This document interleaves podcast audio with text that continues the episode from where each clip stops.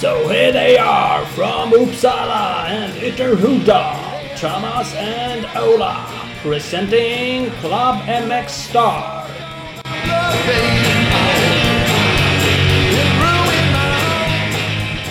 Då var det dags igen, Klubben Mixar Podcast. Jajamän! Alright, alright, alright. Nu kör vi! Right on everybody, right on! Avsnitt 88 eh, totalt. Det är avsnitt 17 för 2017. Det är årets år. är fantastiskt. Mhm. Mycket faktiskt. Eh, bränner igång direkt. Eh, vill ju tacka våra samarbetspartners. Först ut i dagens avsnitt är Big Balls MX. Eh, Värstingbutiken i Växjö säljer Suzuki men nu även gasgas. Eh, Så vill du ha en fin fin enduro då tar du dig förbi butiken och går in där och shoppar.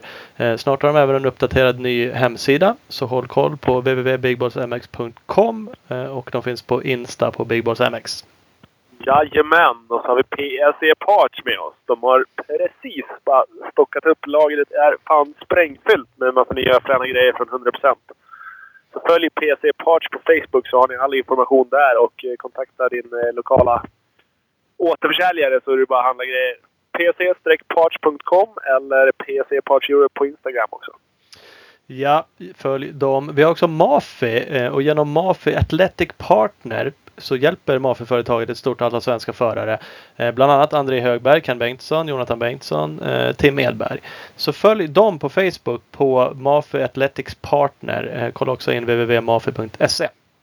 Precis, där kanske vi skulle ansöka. Det kanske vi kan halka med på ett hörn där. Mm.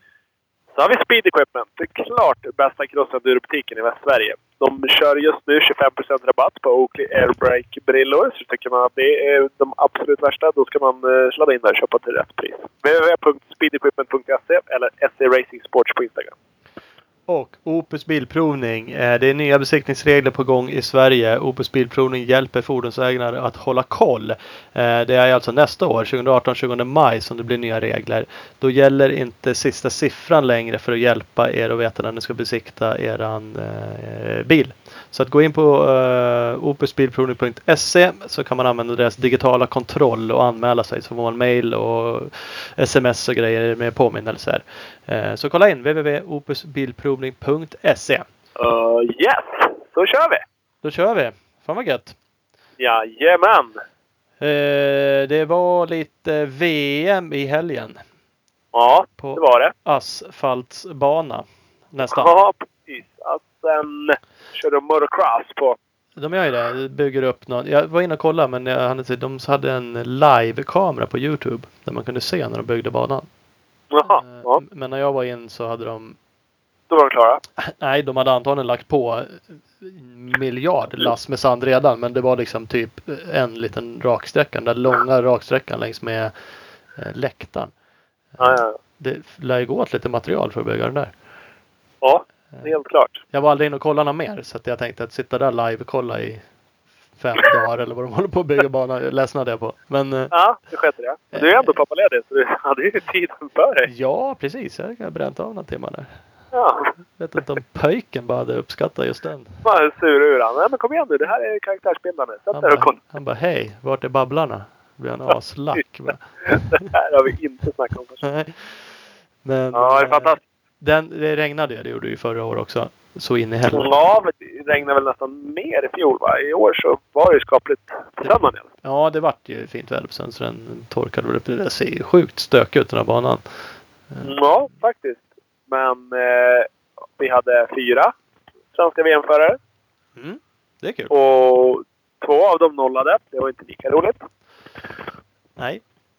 Eh, oklart lite varför. Eh, vi pratade lite om det med Anton Gole, vår gäst idag.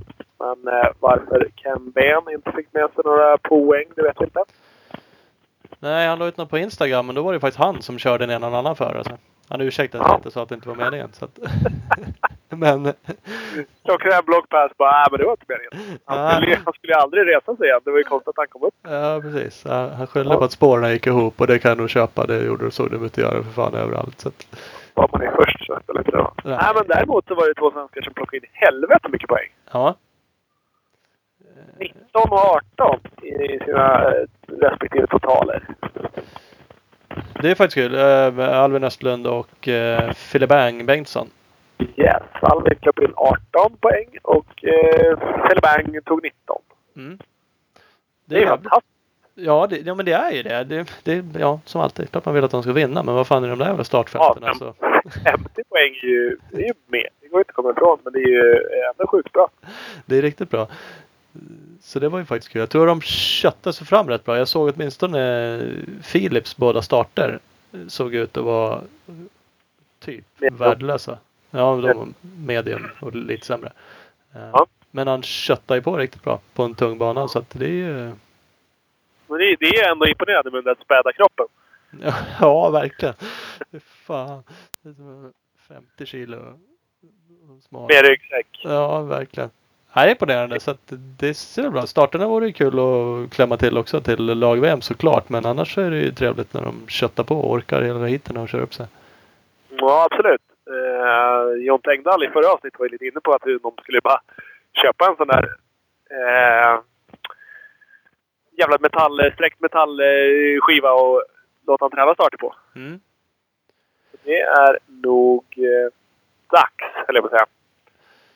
Eh, Ja, ja, det är det väl såklart. Vi, vi pratade lite starter med Anton Gole i det här avsnittet. Konstaterar att det är ju inte helt lätt. Det är inte bara. Det är inte bara att släppa ut konan och åka, utan det är jävligt mycket som ska. Det är sjukt små marginaler i framförallt kanske ett VM liksom där det smäller ihop sig. Är man lite sen av eller missar en växling bara Då är det, då är det en lucka borta. Då är den upptagen bara. då är den bara borta. Så då är man typ sist. Eh, Så, att, eh, så är det. Vi hade faktiskt med, det ska vi credda, ett gäng eh, tjejer. Vi hade även med lappen i veteran. Vi kan börja lite med tjejerna. Emelie Dahl var ju sjua i andra heatet. Hon bröt det första tror jag. Ja, precis. i assen där. Och sen var Amanda Bergqvist med. Eh, Ida Järf Björklund var med. Tror det var Yes. Eh, känns det som att jag missar någon av tjejerna. Men sen hade vi med oss eh, The Lap också. Lappen. The Lap, ja. The Lap körde ju veteran. Då blev vi ju trea. Två, Tvåa. tvåa blev man. Ja. Ja, du kan kalla han silvermedalj för två. ja, det kan vi göra. Han kommer bli sur om du ska kalla den för trea. Ja, men han, han hade lite tur för det var ju någon finne som vann första heatet som sen blev nerpetad. Ja, han vann ju bägge heaterna. Ja, Det var i alla fall först över mål i bägge heaterna. Men sen så tyckte de att du hade ju skitit i gul flagg. Det får man inte göra. nej. Eh, Så där fick han ju en gratis eh, position. Ja, men faktiskt. Lite flax. Mm. Så att så var det. Men som sagt, vi, Ja. vi reder ut lite assen med Gole snart och lite TM fabriksstyrningar och eh, lite lag-VM pratar vi om. Där blev han ju inte uttagen. Nej, sådär. Men eh, han var väl inte fin. Men återigen, jag tycker han är... Ja, det, ni ska få höra. Han är så här, lite svävande på målet när det gäller det där. Bara, ja, du var ju med i den här femmannagruppen. Ja, ja, jo, jag, jag sa ju att jag ville åka. Bara, Ja, okej. Ja, men, eh, men, men nu då? Bara, nej, nej, nu ska jag väl inte åka. Alltså det verkar inte så här superklara besked att nu är det den här fem som åker. Det är liksom den här femmannagruppen. Det är ni som har chans att åka. Ni kör om det nu. Utan... Yeah. Nej. Nej, jag vet inte. Det känns lite som att det är bara på en höft allting. Eller? Är det bara jag som inbillar mig? Nej, jag är beredd att hålla med. Vi konstaterar ju också att han är ju reserv, vilket står ju i Återigen en aning luddigt. Men ja. en aning luddigt. står ju det i den pressreleasen som gjordes. Det var svävade också ungefär lite så här. Jo, men det är jag nog. Så jag, jag håller med dig. Och jag vet inte, det vet vi inte om det är förarna som inte riktigt eh, lyssnar och uppfattar eller om det inte är så tydligt som det lät på Jonte Engdahl där allting var. Nej, det kan ju faktiskt vara, det kan ju faktiskt vara flera varianter på det. och sådär. Men som sagt, han är i alla fall inte uttagen. Eh, apropå lag-VM. Jag fick ju på MC-mässan i år av Tommy Allansson från Svemos motocross-sektion. Eller ja, vi fick det. Ja, vi ska vi säga. Men det var jag som tog emot den. Då. Vi fick, kan vi säga fint. Jag rent fysiskt tog emot den. Ja, ja, ja. Ja, men. En, en, Jag, lag, jag var med. ja, en lag-VM-tröja från eh, förra året. Ja. Eh, det är Albin Östlund. Italien. Precis. Det är Alvin Östlunds tröja, men den är ju signad av Alvin Östlund, Anton Gole, som inte kör i år då, men körde då, och Fredrik Norén. Ja. Då tänkte vi att den här vill vi lotta ut till någon. Det kanske är någon då som ska åka till lag-VM. Kan ju gå runt där med steka med den. Ja, Tycker det är kul. extra steket. Han lär ju bli bjuden på bärs hela helgen. Det, det är bara utgår man ifrån. Ja. Eh, så vi gör så här. Vi kör en sån här Gilla det inlägget vi kommer göra med eh, inför det här avsnittet. Kommer vi lägga ut på Facebook och Instagram. Man får köra på det ena eller båda om man vill. Vi kommer lotta sen. Eh, gilla och sen tagga två polare. Som du tycker egentligen ska bjuda dig på lag-VM. Ja, bara resa och hotell eller kör det. Så kommer vi sen eh, lotta ut den där tröjan. Yes. Det blir bra. Så vi kör den en vecka fram till tisdag 19 september exakt klockan 19.00 och sen bara smäller vi av en vinnare. Då hinner vi skicka den till eh, lag-VM. Går. Om man har en, eh, om man har typ en motocross-nyhetssida så behöver man inte tagga sin farsa. Utan, ja, men ja, något sådär. Men tagga, tagga två polare som, som borde bjuda er på lag-VM-resa. Ja. Det blir jävligt bra. Och då har man chans att vinna den där steka tröjan. Så kan man springa runt i den där nere. Ja. Om man inte annat, om man vinner den och inte ska åka dit, så tycker jag, då får man skicka den till någon som ska dit. Och det är ju coolare att få den lite så här, lite lortig och öl nedstängt. Ja, live and direct. precis. Det jag tycker. Smeta på lite andra Ja, signingar. autografer och grejer. Ja. Jag ska åka dit. Så att om det är någon som känner att de vinner den där och absolut behöver en eh, ja, väl inkörd tröja så kan vi lösa det. Ja, Fan, vad skönt. Det går att ordna. Det, det det. det. Ja. Ja. Grem- Gremers, ska vi ringa Anton Gool? Ja, nu ringer vi och snackar fabriks-PM bara rakt av. Är det Anton? Ja men tjenare Anton! Tjena! Tjena! Hur är läget? Jo, det är bara bra. Ja, skönt. Är, Ja, är du tillbaks i Sverige från Holland? ja det är jag. Ja. Hur, hur var assen? ja, det var ganska tufft faktiskt. Ah, sandigt, säg. Det var svår bana och ganska eh, blött och uppkört och så. så att det var en tuff bana, men så är det. Ja. Ja, den, den såg ju rätt stökig ut. Du gjorde ju ett helt okej kval på lördagen. 12 tror jag det var. Och sen var det väl lite tuffare hiterna på söndagen resultatmässigt för dig. Och Ja, jag gjorde en bra start på lördagen och kunde vara med där uppe. Och ligga med hela hitet och det var ganska svårt att köra om på den här banan så starten var väldigt viktig. Mm. Men eh, ja, söndagen gick det inte riktigt som planerat men så är det ibland. ja. så kan Känns, känns, det, känns det så som att när man gör en bra start så då, då grejer du att rulla med där uppe? Eller är det liksom do or die, det hela kvalhitet då? Nej, det tycker jag inte. Jag körde mitt eget tempo, tappade några och första varvet eh, brukar jag... Jag vet inte varför, men första varvet brukar vara ganska tungt. Ja, de kör så jäkla fort i början och det är svårt att hänga med så då är det lätt att man tappar lite. Ja. Men sen är det bara att rulla med sitt eget tempo och eh, det blir oftast eh, lite luckor och sånt eh, ju längre hitet går. Så att eh, är du bara med bra i starten så brukar hitet bli väldigt mycket lättare. Ja. Drar, de, drar de mer på lördag när det är kortare hit? Drar de som fan då hela tiden? Eller, eller ja, alltså är det någon skillnad? Nej, de drar som fan hela tiden. Det. Så det är ingen skillnad. De jävlarna. Ah. Ja. Ja. Det, men, att göra, göra, få ta en bra start. Är det svårt att starta på plattan eller är det bara att alla andra är så jävla duktiga och startsnabba? Och, eller vad, vad avgör? Nej, det, jag tycker plattan är ganska bra. Det, det är lika för alla och ja, även om det regnar och så, så är starten ganska bra. Så att, eh, det tycker jag är bra, men det, det är så små marginaler i en sån här start och minsta lilla du ja, är lite off eller reaktionen är lite sen så eh, ja, då är det väldigt svårt att... Det, stäng, eh, ja, det stängs ganska snabbt när du kommer, väl kommer av grinden så att eh, är du inte med direkt så ja, då är du där bak. Ja. Ja. Pucka armbågarna ut liksom. Ja, Går det att göra en an- analys? Ibland är det helt svårt att avgöra vad man gjorde för fel. Alltså är man väldigt sen i reaktionen då kan man ju veta att man var dåligt av plattan. Eh, Alltså, eller är du med? Har du gjort någon liksom analys av, om vi tar Assen som ett exempel, vad var det som gick fel? Liksom? Eller filmar du starten själv och sådär så du kan gå tillbaka? ja, ja han eh, som är teamchef brukar stå bakom och filma. Mm. Men eh, första starten var jag lite sen i reaktionen och det var därför starten blev så pass dålig och då, ja. Är du inte väldigt snabb så blir heatet därefter. Det är svårt att köra upp sig och ja. Det är ett tufft startfält så att Ja. en bra start är väldigt viktigt. Men, eh, ja, men det är, det är nyttigt att, att filma och göra en analys av det. Som sagt, det man En, ser. en sån som, sån som Prado som tar hur många starter som helst. Kollar ni liksom någonting på han om vad han gör för skillnad eller? Ja, det brukar vi väl inte göra så, men eh, det är svårt att se också vad man gör för skillnad. Det är liksom bara de som är väldigt, en sån som Prado som har tagit väldigt många starter har sånt jävla självförtroende i starterna och han vet att liksom, ja, att han är jävligt snabb i starterna och då, ja. Och då blir det ofta så att du fortsätter göra bra starter. Ja. Ja, det, Men det, hur... Ja, kör du Thomas.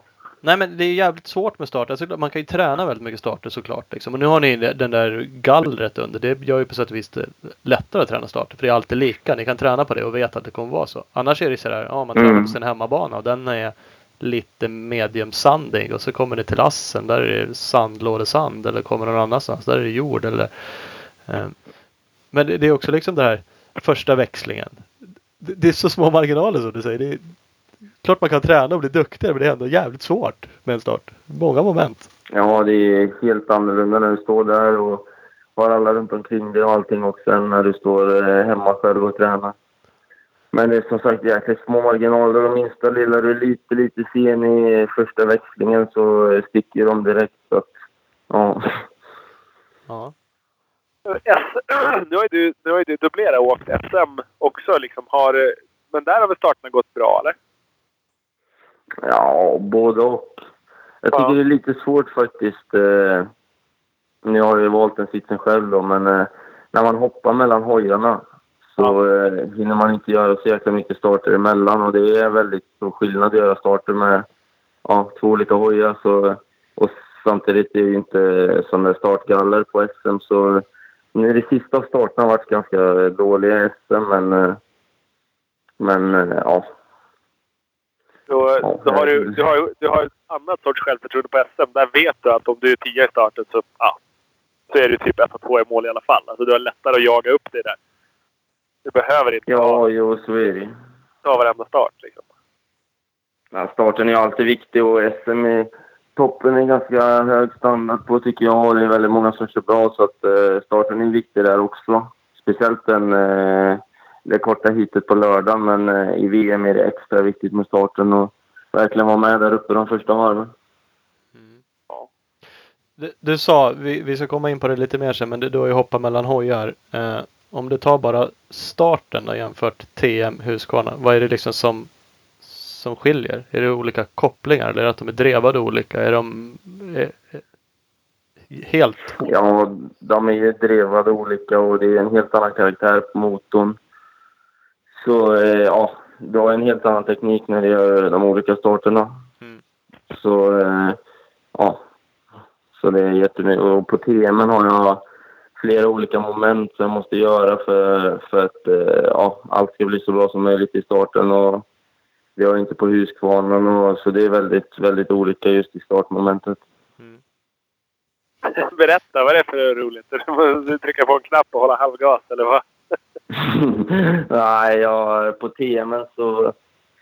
Ibland om det, om det är bra fäste direkt efter grinden så eh, kan det luta hojen lite åt höger och använda kopplingen så blir kopplingen mer, mer försiktig och inte lika, lika rapp när du väl går av grinden. Eller väl gör utsläppet. Och sen har jag även en knapp som eh, gör så att eh, den stryper precis när du växlar så kan du bara hålla full, full gas och så stryper den någon millisekund. eh, Ja, så att du inte behöver använda kopplingen eller någonting när du lägger i växlaren utan de går i direkt liksom. Väldigt lätt. Åh fan! Så det är lite Nej. sådana grejer. Fördelen med att vara fabrikshoj. Men vadå, spelar det roll om du lutar hojen menar du? ja, det, ja, det blir en helt annan känsla i kopplingen om jag... Då kommer oljan emellan eh, skivorna och då blir ja, Ja, ja, reaktionen ja. på kopplingen helt annorlunda. Åh Ja, det är, det är små detaljer som du säger. Ja. Ja, den tekniken kan ju inte vara aslätt bara i startögonblicket så här, släppa iväg och så, så här, luta hojen lite skönt. Helst utan Nej, att men det köra kan, ner. du, det, kan du göra, det kan du göra innan 15 sekunders skylten kommer upp. Så att Ja du bara, okej, då kan du tippa den. bara så lutar över den. Ja. Ja. Jävlar. Hjälp mig. Ja, ja. Ja, är det VM så är det. Ja, det, det kan man ju förstå att det är annorlunda. Och precis som du säger, motorkaraktär. Liksom, när kan jag växla? När Ja. skillnaden mellan hojarna liksom. Och det där sitter ju. Han har ju kört mest Husqvarna så jag gissar att det kanske är det som har hängt kvar mest. Eh, Och liksom, Jo, det är det. Sen går de ju helt olika, precis motorkaraktären och sånt. Så hur mycket gas du ska ha och allt sånt här. eh, Ja, och när på rakan du kan växla och allt sånt där är ju helt olika på hojarna. Så att, eh, det påverkar lite också.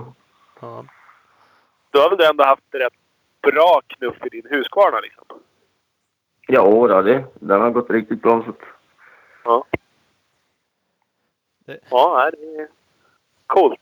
Vi, vi, vad, vi fick, vi fick la ut på Facebook så vi fick några lyssnare som skrev med lite frågor. Okej. Så vi skjuter iväg dem lite sådär eh, mitt i när de kommer.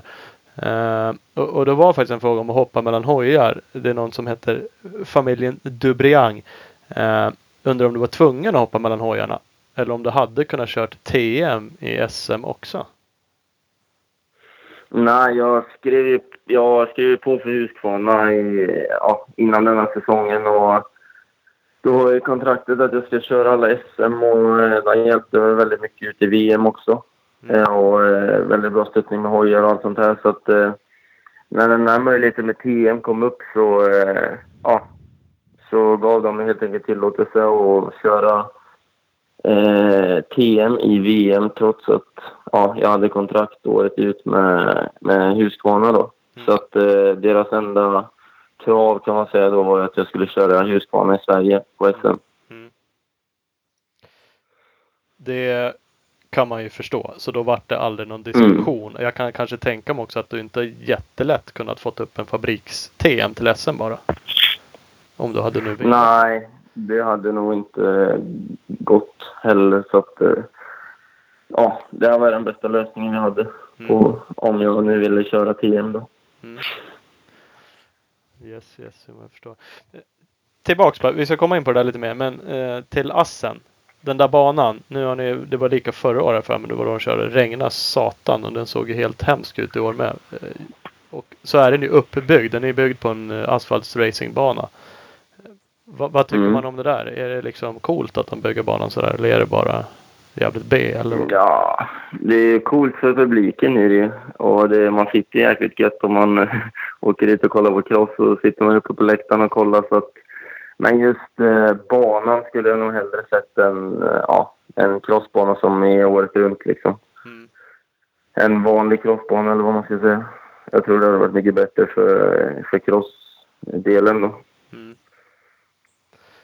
Den, eh, ja, alltså det är väl nästan alltid det man hör om de banorna som sagt. Men det ser lite ballt ut. Det var ju jävligt mycket publik. Lät som det var ett jävla liv. Kanske framförallt när, när Hurlings drog då. Men, ja, det var det. eh, så det var ju coolt. Men du sa sitta på Nej, det är läktaren. typ som...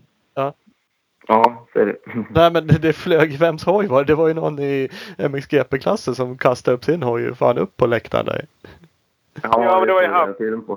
Ja, KTM. ja vad, vad heter han? Det är fabriks... Koldenhoff.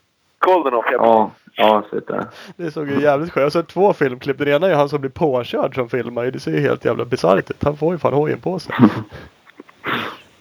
Så att, he- helt jävla ja, safe inte.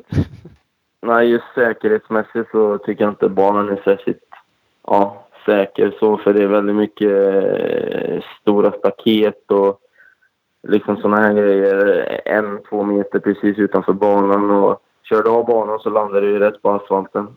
Mm. Så eh, det var en del skador var det ju. Och sånt här som jag tror inte hade liksom hänt om det hade varit på en vanlig crossbana. Nej, det såg jag också att det var Simpson tror jag som eh, gick i något spår som helt enkelt bara försvann utanför något hopp där och rakt ut i... Ja, Desal eh, hoppade av hoppet och körde rätt in i ett sånt där stort stålstaket. Ja, Ja, precis utanför Bonn. Ja, det Ja, jo- gjorde inte han illa sig då? Det är väl slutåkt för i år? Fan. Jo, jag tror det. ja, Det är ju sämre när det blir så. Mm. ja, det kan man ju säga. Det är lite lustigt, men ja, det är lustigt det där, jag vet inte hur man ska säga det. VM är ju, det kan man ju diskutera hur många gånger som helst. Ska vi väl inte göra här. Det är klart det är häftigt Ja. när man lägger det sådär. Det är publikvänligt. Det går säkert att dra dit tunga sponsorer som ska sitta och glassa i något VIP-bås liksom och sådär. Men eh, klart det tar bort grundfeelingen av motocross liksom när man skiter egentligen i hur ni känner som förare. Det är inte så jävla viktigt liksom. Det är så här. Nej, det är att visa upp dem på bästa sätt. Cirkus, eh, cirkusmanér liksom. Det blir lite så. Ja, Ja. Men det är ju... Mm. Men visst. Det är, det är ju snyggt VM. Det får man ju lov igenom. Det är ju häftigt. Det är ju alla VM-deltävlingar med snygg depå och vräket liksom med uppbyggt allting med prisgrejerna bakom starten och som sagt förardepåerna och bandepåer. Och, ja. Mm. Men eh, nu när det är åkt. Ja, det, det, vad är det? det är ett race kvar va, på VM? Ja, mm, nu till helgen i Frankrike. Ja, nu har det åkt nästan en full Ja. VM-säsong. Vad, vilken bana har varit bäst? Jag antar att det är rätt många Ja, banor du det- inte åkt på förut. Indonesien. Jo, det är det. Ja, den var bäst. Nej, det var nog en av de sämre tror jag. Men, men du har gjort ditt bästa resultat på den. Ja, jag vet. Konstaterade jag. I, i ett Ja. av heaten. Det var väl... Ja, Ja, ni körde, ja körde det ni andra var ett? ganska... Nej, ni körde kanske två. Ja, vi körde... De rödflaggade vårt andra hit. Ja. Men jag tror att eh, resultatet räknades tror jag. ja, du ser. Men jag bröt efter en tre varv eller något. Jag tror han som vann körde sex varv eller något. Och det var så jävla skitigt. Och också en ja, bana var det? Var det en tillfällig bana eller var det en permanent? ja, det var det. Nej, det var en tillfällig bana. Men vad, Ja, vilken, vilken bana var varit bäst? Eh, ja, vilken svår fråga. Jag kommer knappt ihåg vilka banor vi har kört på. Argentina? Men, det är ju eh, grymt. Det är det faktiskt. Ja, den ser jag cool. Ja, Argentina måste jag nog säga var, det var den coolaste tävlingen tror jag. För det var väldigt fint runt omkring och, och banan var jäkligt fräck. Och så känns det som det är ganska mycket folk fast det är en av de här overseas-racen liksom. Det känns som det är en del publik. Ja, jo men det var det. Mm. Den, ja, den ser jag. Qatar tycker jag var ganska cool också när man körde på kvällen och med lampor och hela det här. Mm. Men eh, Argentina var nog banan bättre så. För sagt, Åh fan! du, du började ju VM-säsongen, vi fortsätter på den, som eh, privat. Ja, på, dels på Husqvarnan och så en egen satsning. Men du har ju kört alla race. ehm, är det något du inte har? Nej, du har till och med kört alla va? Då, tanken var i alla fall även de som har varit overseas, Qatar och Indonesien. Ja, förutom Ryssland. Det var den jag missade. Ja. Men annars har jag kört alla. Ehm, vad eh, jag tror att jag konstaterade, nu är det ett race kvar. Vad skrev jag egentligen? Jag räknade ju på hur många poäng. Du ligger totalt 23 i VM och har 87 Mm. poäng. Är det bra eller dåligt? Ah, det är ju lite poäng så det får alla vara nöjda med. Men eh, det har varit väldigt mycket upp och ner denna säsongen. Och, ja, det är ju första säsongen så att eh, jag vet inte vad jag hade förväntat mig riktigt. Men eh, ja, det är väl helt okej kan man väl säga. För du har ju som sagt Indonesien i ditt bästa nu var det en väldigt speciell tävling för oss. Jävla skitigt. Där kör Mm, ja, det var det. höger och vänster. Men där Ja. har du ju en elfte plats som bästa. Eh, och sen har du två 14 platser i Italien, Trentino. Då blev du 12 totalt. Det tror jag är den bästa totalplaceringen. Ja, där körde jag jäkligt bra tycker jag. Så den är väldigt nöjd. Mm. Eh, och uppenbarligen tänkte jag säga, körde du till den TM Fabriks deal. Nu har ju de haft lite skadade förare och sådär. Hur funkar det annars? Kontaktade du dem? Kontaktade de dig? Vad, Nej, det var de som kontaktade mig. De behövde en förare och jag hade inget fabrikskontrakt så och de, ja, de gillade väl det. De såg i min körning och så här så att det var de som kontaktade mig ja. Det måste, frågade om det. Det måste ändå vara rätt nice. Ja, då, det var det verkligen. Ett steg i rätt riktning, så att säga. Hur, var det ett lätt beslut att ta eller funderade du ändå? Du behövde ju säkert fråga runt lite Husqvarna bland annat och lite sådär men Ja, det var ett ganska svårt beslut kan man säga. Jag tänkte först tacka nej och så här, men sen tänkte jag ja, ett varv till och såg väl det som en eh, chans kan man väl säga. Så kontaktade mina sponsorer i Sverige och ja, ville göra klart med alla så att det var liksom okej för dem. Och ja, sen blev det som det blev att jag skrev på för resten av säsongen. Blev det en, en bättre deal liksom än vad du hade? Fick du en lön nu och sådär med? Eller fick du vara glad att du fick låna en hoj tyckte de? Nej, lön fick jag inte, men eh, ja. Jag fick ju liksom fabrikshojar gratis och eh, allt annat gratis. Så att, eh, mycket mer än så kan man nog inte begära första säsongen om man eh, ja, hoppar in för en skadad förare. Men du, du betalar ingenting liksom, för att åka hoj? Utan Nej, du nej, och, och, drar på Det var- hojar. Det är bra. ta sig till tävlingarna och köra på hojarna som de fixar allting. Ja, men det är ju grymt. Bara, bara det är ju liksom en bra deal. Ja, det tycker jag verkligen. Än att slippa stå där själv och behöva mecka och med tvätt och allt sånt där utan att bara ha någon som sköter det liksom. Ja, precis. hade du möjligheten att prova den innan du tog beslutet eller var det liksom ett beslut på att Ja, vi var nere i Italien och, och testkörde en dag. Så jag var lite halvskadad när jag testkörde så att eh, det blev inte optimalt. Men jag, ja, jag tänker att jag tror inte jag med tiden kör sämre på den hojen än vad jag gör på min Husqvarna. Så ja, jag såg det som en chans och tog den. Ja, det, alltså det, det är ju så jävla häftigt. Då sitter man som vi gör, man sitter hemma och funderar och ibland känner jag så här, fan när folk hoppar på sådana här dealer mitt i eller man kör för alltså, vissa team, satellitteam och allt vad de nu heter så känner man ibland att det, det är bättre att göra som du gjorde, exempelvis körde jag själv liksom. Det känns skeptiskt och det känns svårt att komma in i, i sådana här grejer. Eh, samtidigt som såklart det är ju en grym chans också. Jag förstår ju varför du tackar ja till en sån här grej. Liksom. Och tänker ju såklart i, i huvudet och hoppas att fan nu lossnar det och nu kör jag till med någonting. Eh, Gissar jag i alla fall att man funderar lite på. Ja, då, det är klart. Och det var... Eh, vi såg ju den bästa dealen vi hade innan säsongen var ju som jag tyckte det var att köra själv och inte liksom eh, betala några pengar för att man ska köra för något eh, lite halvbra team eller något sånt här. För jag, hade, jag körde inte tillräckligt bra och, och hade inte möjligheten att kunna köra för något fabriksteam eller något bra stall. Så att vi valde att köra det själva och det tyckte jag gjorde jävligt bra innan jag fick den här dealen. Så att det är inget jag ångrar med det. Men eh, som sagt, TM är ett fabriksteam och eh, ja, de flesta fabriksteamen har koll på grejerna. Så att jag såg inte det som någon, liksom att jag inte skulle kunna prestera på den hojen med de där grejerna. Utan mer som en möjlighet liksom. precis. Bernardinis grejer brukar ju hålla liksom. Ja, han vann ju tävlingen i Indonesien så att Precis. så dåligt kan det inte vara. Nej, och det brukar vara bra fart i grejerna också. ja, verkligen. Go, go, go! Reklam! Scott Motocross Enduro 2018 grejer finns nu på Scotts hemsida. In och kolla på allt nytt och fräscht. Eh, www.scott-sports.se och på Facebook Scott Sports Sverige. Jajamän. Husqvarna.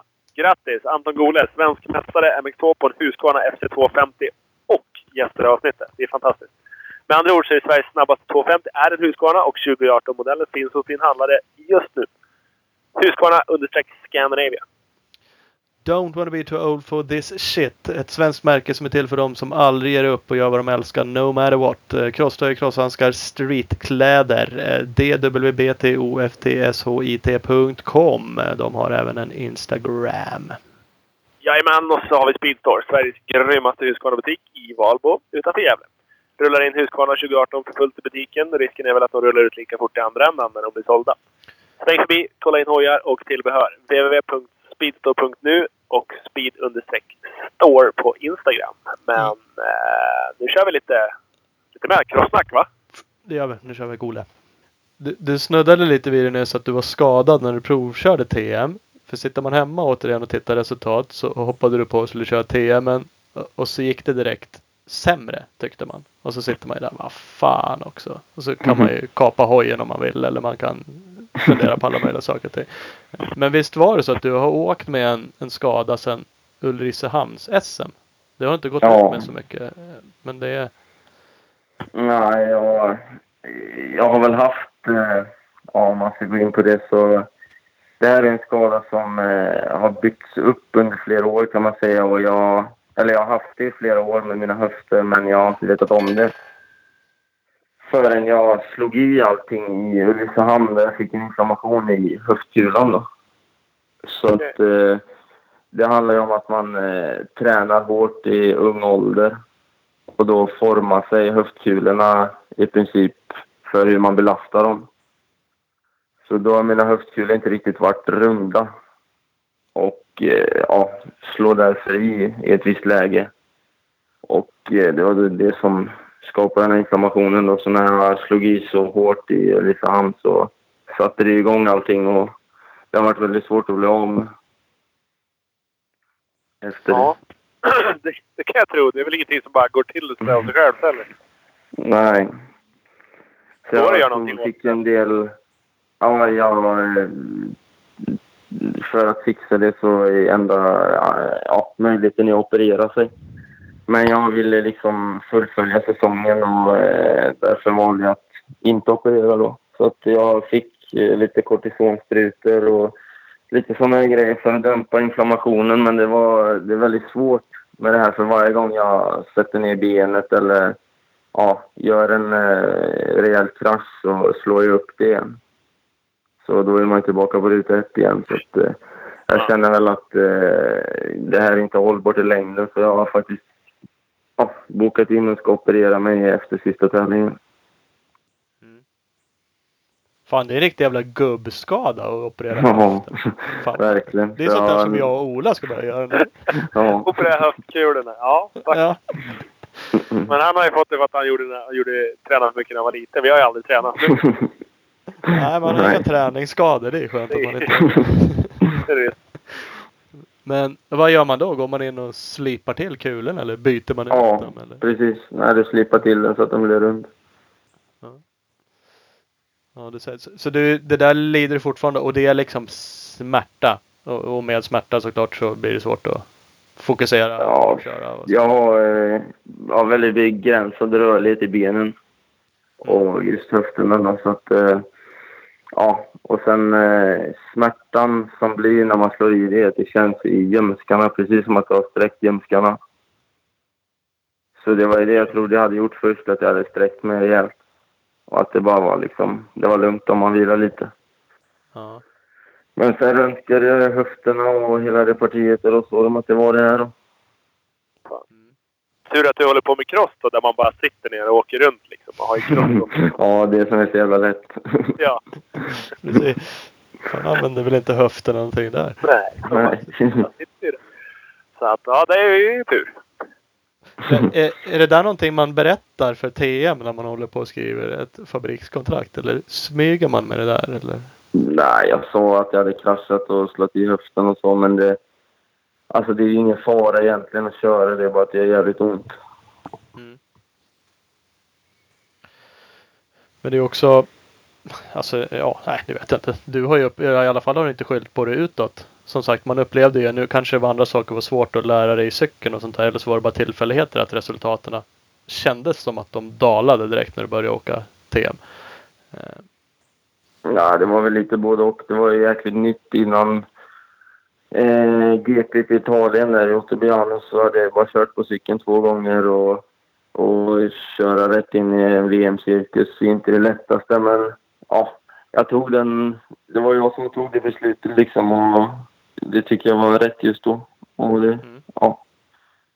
Vi, eh, vi har en lyssnarfråga av Hannes Johansson som undrar om det är någonting du har ändrat på hojen de sista timmarna eller liksom sista racen eller om det är bara mer timmar på samma hoj som har gett resultat. Men det är alltså ja, det är en kombination av, av allting. Att du lite mera koll på skador och kört in det på hojen och sådär. Alltså.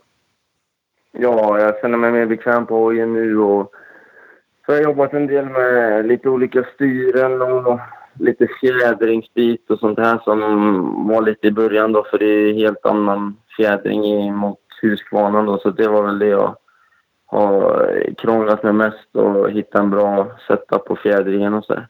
Men eh, nu tycker jag det börjar, börjar ordna upp sig så att det känns bra.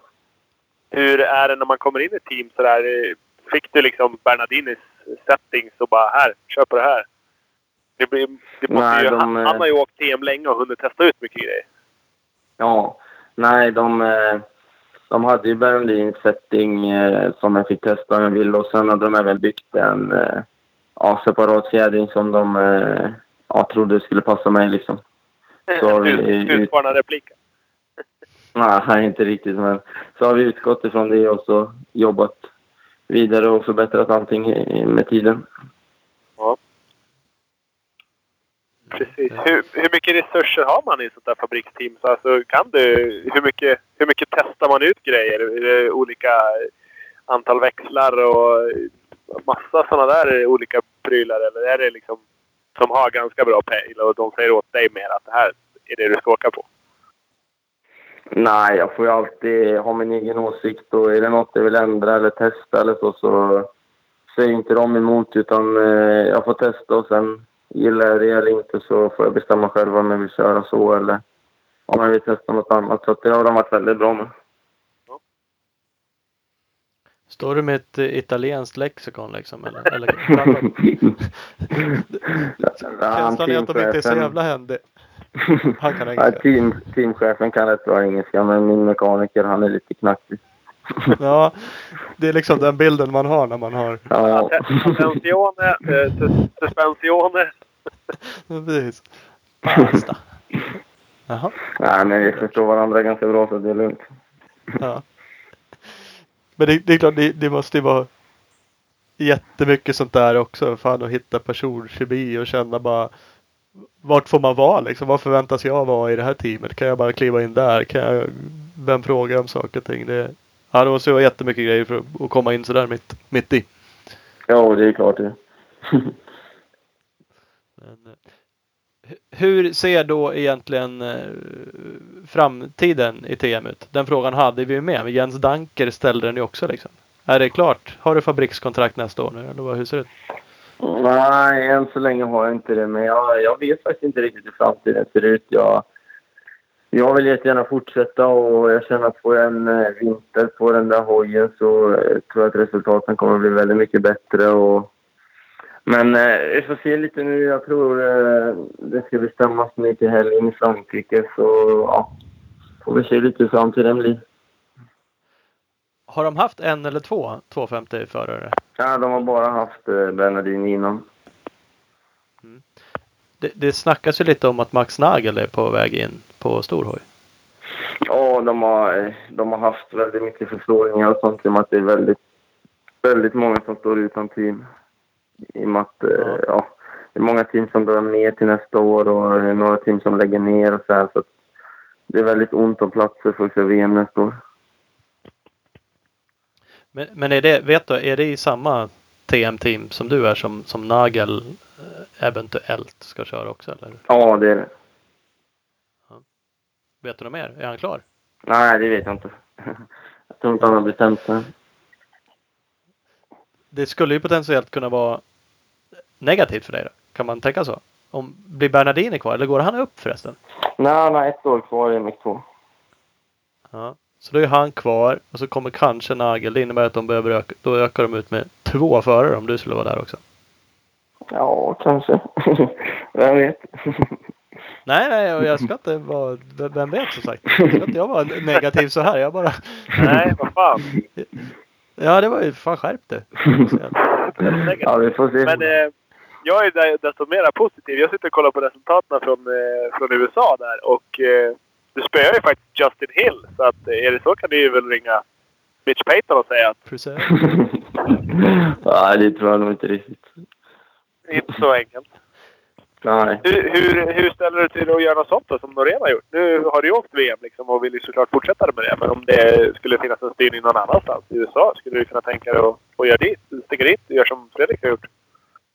Ja, absolut. Det skulle jag nog kunna tänka mig att göra. Det, ja, jag gillar USA överlag och banorna är jävligt feta och ja, miljön runt omkring i depån verkar riktigt bra. Så att, eh, ja. Men tror inte jag att jag ja, kör tillräckligt fort än för att kunna köra till med en bra styrning där. Men ja, vi får se i framtiden. Ja, precis. Men det hade Hur varit är absolut kul. supercross-skillsen är frågan. Ja. ja, de är nog lite rostiga tror jag. Ja. De behöver nog träna på om jag ska över dit. Ja, det, ja. Det, det känns ju lite som det. Som sagt, det är det man pratar om i alla fall i Ja, supercross är ju stora, nackdel. stora grejen där. Och det är de ju rätt händiga på, de som växer upp i den miljön och har egna hemmabanor och banor överallt. Så det, Ja, de är ju det. mm, mm. Intressant, intressant. Yes. Rycker, jag har en lyssnarfråga till här. Eh, Du har väl egentligen varit inne och sladdat på det. Rickard Piven Ivarsson undrar vad som är den största skillnaden mellan EM och Husqvarna. Har du liksom någonting du kan säga att det här är det som skiljer dem? Ja, de är väl i princip helt olika skulle man väl kunna säga på alla plan.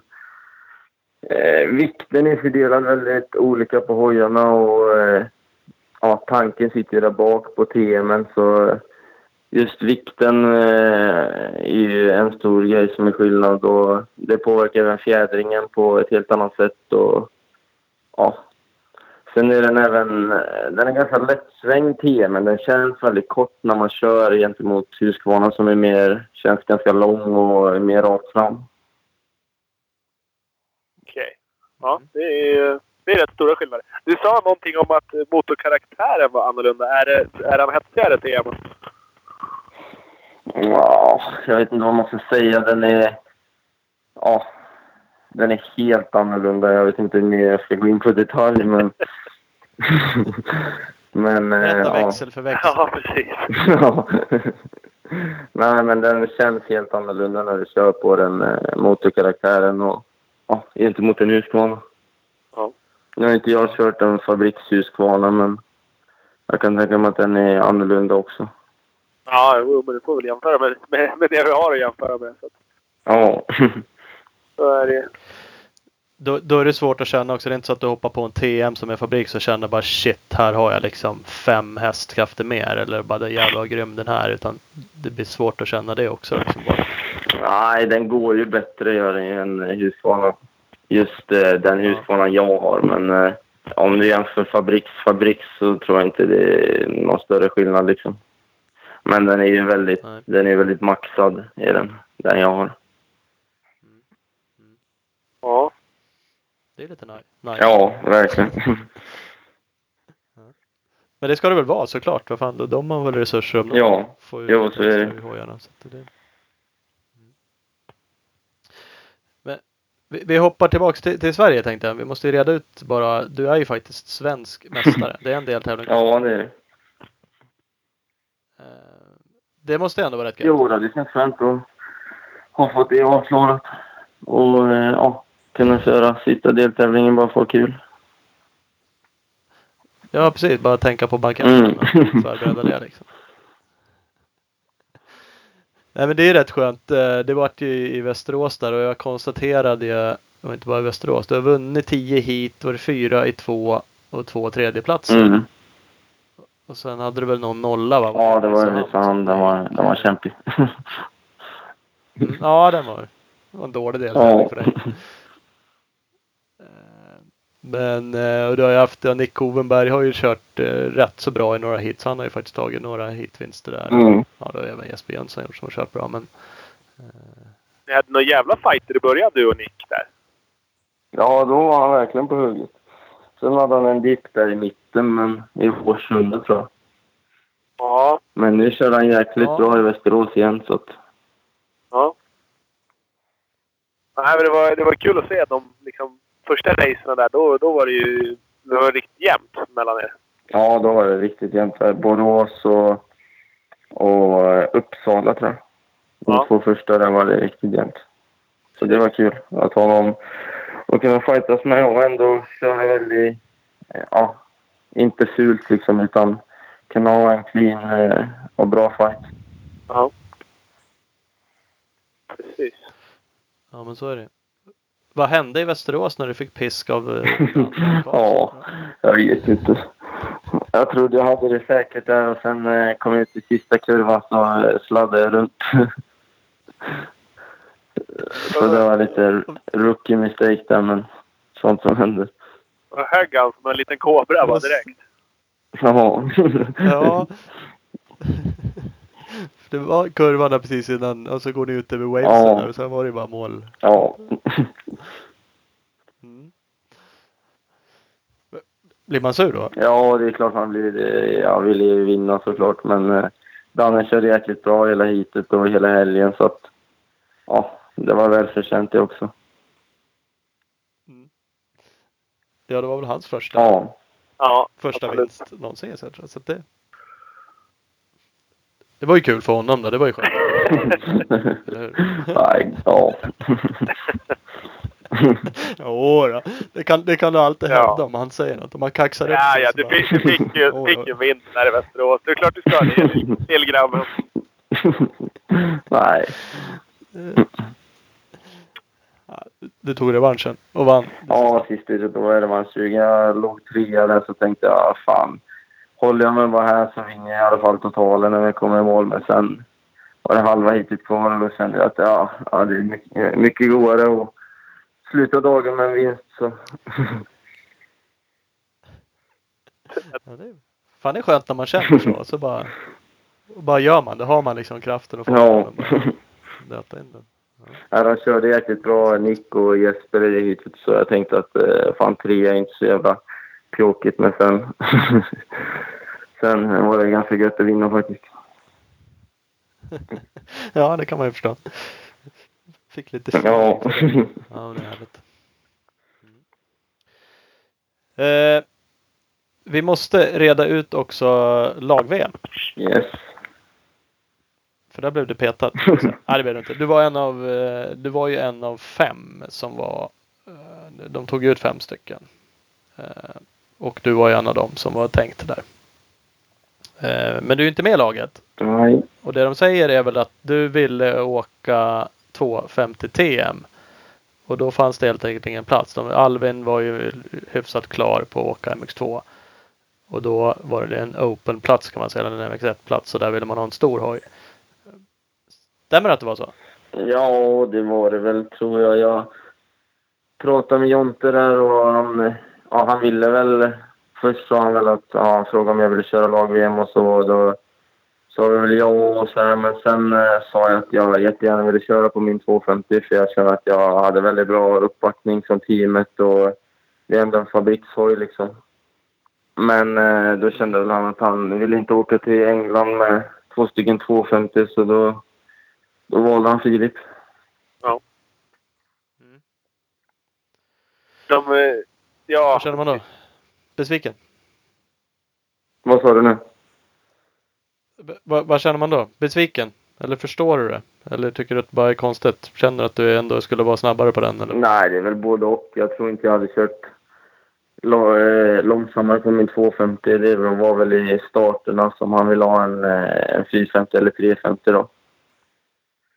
Så att eh, det förstår jag väl delvis så, men ja.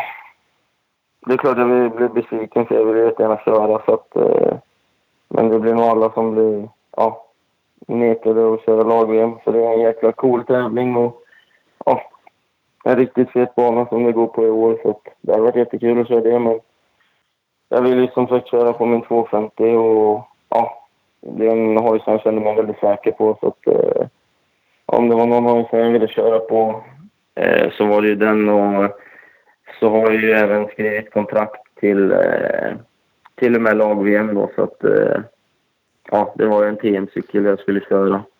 Så om det blev en 250 Ja. eller 450 så kände jag väl att 250 var den jag hade kört på större del av säsongen så, så det var den jag ville köra på.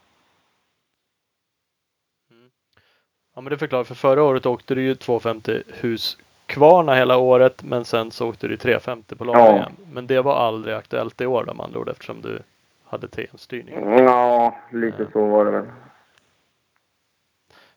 Fa- Fanns det någon möjlighet eller kollade du aldrig det att få fram en 450 TM? Jo, det fanns det väl möjlighet tror jag till, men eh, ja.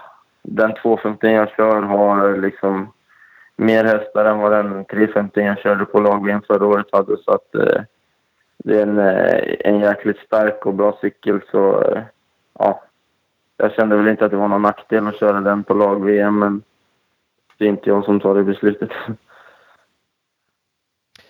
Nej, nej det är så. Det, alltså det, ni var ju ett gäng som Ja, vad fan, ni är ju ganska så jämnt snabba. Det är inte helt lätt. Nej, det förstår jag. säger, Det är klart du, du blir besviken och det ska du ju bli. Fan, det är klart du vill köra. Ja. Liksom. Du säkert känner att du kan göra det minst lika bra som de andra liksom. Men eh, ja, det är ju bara tre som blir uttagna. Så enkelt Ja, är det. så är det. Tyvärr då. Eh, Så att, eh, mm. Vad kom vi fram till där Ola? Stod du med som reserv förresten? Det vet du väl kanske själv? Finns det något sånt snack? Eh, ja, jag tror han hade satt upp mig på någon reservlista där. Tror jag. I, i pressreleasen så, så här, var det inkastat ett reserv efter, efter din, eh, ja, ditt namn och så motiveringen och sen eh, stod det bara reserv. Så att vi antar att, att du är reserv just eh, därför. Ja. Mm. Ja. Lite luddigt. Ja. Så. Mm. Men ja, precis. Ja, eh, vi har, vad har vi en i alla fall som lyssnarfråga kvar och det är eh, fråga om han, från Mattias Olsson. Fråga om han kommer fly SM som de andra storfräsarna nästa år. Missförstå mig inte. Jag är för att de är ute i, i det tuffa. SM kan de köra sen. Kommer du, om du inte får någon fabriks-VM-styrning, kommer du försöka åka VM och kanske åka, eller ja, gå ner och åka EM eller vad, vad är planen om du inte får någon styrning? Så. Jag vet inte riktigt faktiskt. Det får vi se lite hur allting blir och vad jag får hjälp från för folk och om det blir SM eller inte. Det får vi, ja, får vi se lite hur det blir i planeringen. Precis. Är, är ehm, om vi spekulerar, så att du skulle köra fabriks-TM då? Droppar du SM då? Eller? Ja, då blir det nog ingen, då blir det nog ingen möjlighet att åka SM tror jag. I så fall för att jag, ja, får försöka få ihop en bra VM-säsong. Och lite italienska och grejer vill de säkert att du kör? Ja, förmodligen i början av säsongen nu. Mm, mm. Nej, vi hoppas på det. Fan, det, du, eh, ja, du har gjort det bra i år. Du är liksom med där och det vore ju jävligt kul om du får fortsatt bra uppbackning. Jag fattar att det är något tungt last du drog innan där, både ekonomiskt och, och logistiskt och allt möjligt och släpa runt sitt egna. Jo, så är det. Det var inte riktigt optimalt, men Nej, och det är det ju såklart inte. Samtidigt så alternativet har då köpt sig in i något halv team gissar jag. Och tror jag ändå på det du ja, men det, så kände vi Det också. visat sig lite grann. Så att, så att, ehm, mm, mm. Intressant. Ja men då har vi lite koll på Mm. läget. Då eh, kan du återgå till eh, soffan. ja, det låter bra. Nej men grymt. Det var Ja, grymt kul att prata med dig. var med. Vi, Ja, då, det var så lite Ja. så. Tack själva. Ja. vi hörs av. Ha det bra. Ja vi hörs Ja, det gör av. vi. Ha det så bra. Hej, hej. Hej då. Hej.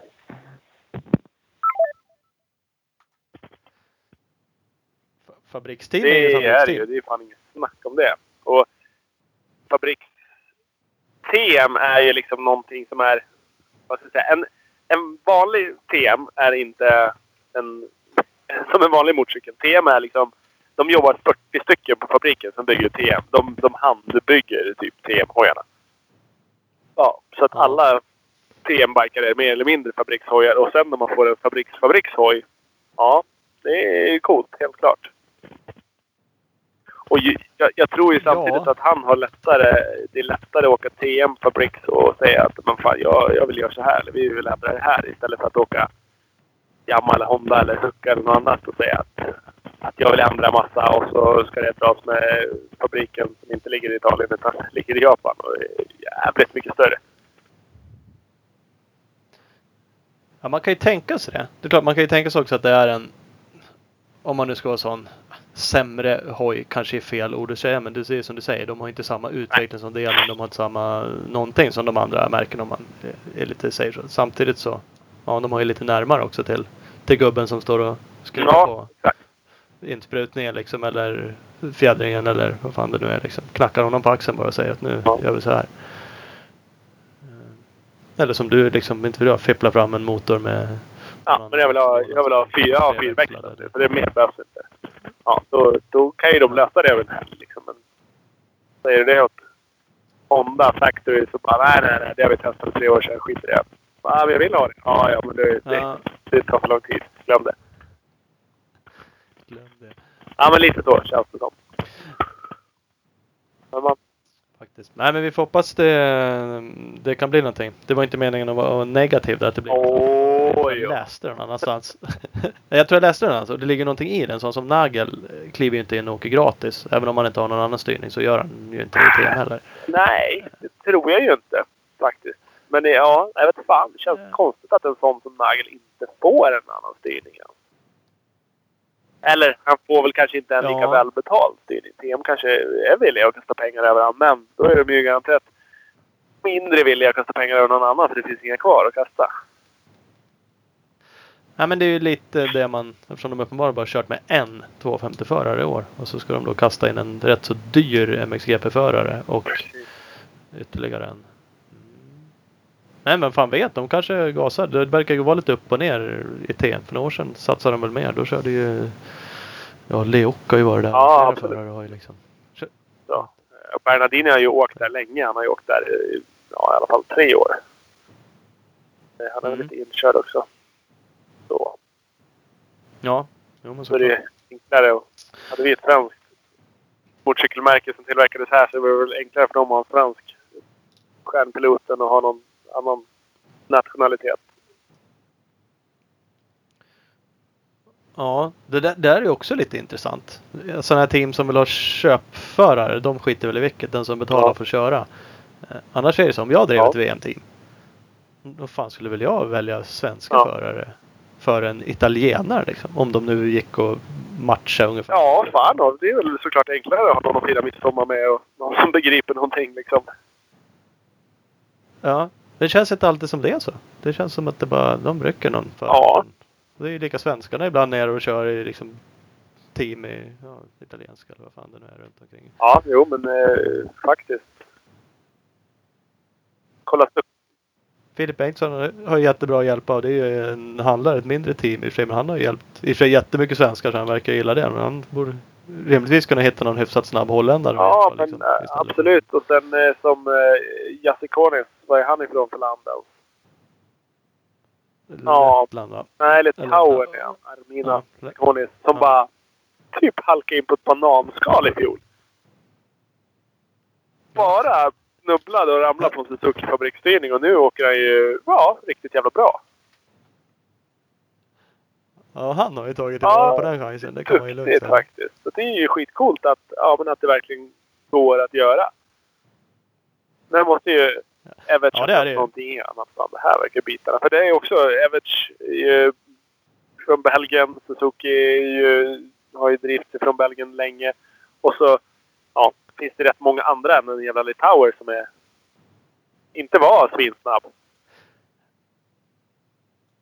Ja, nej, han måste ju ha en jävla filer. Han har ju även plockat upp den där Hunter Lawrence. Han är väl australiensare? Ja, det och han MX2. åkte väl EM förra året, Lawrence va? Jo, han, de har nog gjort en satsning i Europa så de har väl visat upp sig lite grann. Ja, ja Så lite absolut. absolut. Nu, ja, han drar ju också som ett svin. Så, helt klart. Jag tycker ändå det är skönt att Konis är kvar. Jag grät lite att The Diker ska lägga, lägga Ja. sin karriär. Faktiskt. Det är, det är skönt att vi får in en annan långbent Ja, person. i- precis. The Dyke, han är i alla fall en hel centimeter längre än mig liksom. ja, är det så? Men han har någon jävla Ja. åkstil som får han att framstå som 2,5 meter lång. För jag, jag stod bredvid han i ett sånt där depåtält, alltså i bandepån eh, på ett Uddevalla GP. Ja, och jag bara, vem fan är det där som står bredvid mig? Jag, bara, jag kan inte, alltså jag, jag vet ju vem det är, jag kan ju bara inte placera. Men sen till slut så bara, vad fan, det är ju Dyke. Han, Och jag borde ju stå och kolla upp på han. Han är ju lika lång som mig. Vad är det för fel? Ja, så körstilen. eller? Ja, eller, ja, eller om det är armarna som är sjukt långa som gör att han kan hänga. Han kan ha liksom bakskärmen där den slutar. Det har han vid naveln ungefär. Ja. Uh, nej, jag vet inte. Någonting här. Han är lite vanskap. Han, han ser sjukt lång ut. Men Collins är ju längre. ja, kanske till och med ännu längre. Men de har ju... Ja, det blir ju lite sån körstil i och för sig. Ja, men lite längre. Kanske Ja, om jag var beroende fort skulle jag också kanske sluta. Ja. Ja. Per automatik hamnar längst bak på Nu bakstängen. hinner ju alla detaljstudera eftersom det inte går så fort som man får förbi. Ja, det är det som är... Detaljen. Ja, så är det. Ja, så är det. Hörru, vi ska tacka våra samarbetspartners. Jo, absolut. Eh, och vi har ju med oss eh, Husqvarna. Absolut eh, värsta motocross enduro på marknaden. Eh, följ dem på Instagram. Husqvarna understreck och så har vi Bioclean Bike Wash. Klart bästa tvättmedlet till ringcross eller endurobike. Nu har de även ett filtertvättmedel ute. Så att eh, vi, vi är faktiskt testpilot på det. Kolla in dem på Facebook och man kan även köpa beställa tvättmedel på deras hemsida. www.bikewash.se Och vi har Don't wanna be too old for this shit. dwbtofthshit.com och samma lika på Instagram. Följ dem. Så har vi Speedstore, bästa butiken i Valbo utanför Gävle. www.speedstore.nu eller speed-store på Instagram. Team och entreprenad. Behöver du hjälp med grund, markjobb eller maskinförare? Kontakta Tobias Gardné på just Team Jajamän. entreprenad. Big Balls MX har vi också. Den fantastiska butiken i Växjö. Är Suzuki och även gasgashandlare, vilket bara verkar rinna av hyllorna. Jag har sett hur det bara vräks ut gasgasbikar från butiken. Så åk dit, kolla läget. www.bigballsmx.com eller bigballsmx på Instagram. PC Parts. När du synas då väljer du PC Parts. pse-parts.com och PC Parts Europe på Instagram. Mafi, Morabolaget som tillverkar säljer antennfästen över hela världen. www.mafi.se Speed Equipment, DNKTM Suzuki, Honda-handlare i Vänersborg. www.speedequipment.se och SE Racing Sports på Ja, Instagram. vi har skott. No shortcuts. Inga, inga genvägar. Så enkelt är det. www.skott-sports.se och Skottsports Sverige på Facebook. Och Opus Bilprovning. Över 80 stationer i Sverige från Kiruna i norr till Helsingborg i söder. www.opusbilprovning.se Där har dem. Fantastiskt. Stort tack! Tack till dem och tack Och, till er som eh, har tack till lyssnat. och tack till dig Thomas för att du har spelat in det här fantastiska avsnittet. Ja, Ja, hej, hej. hej!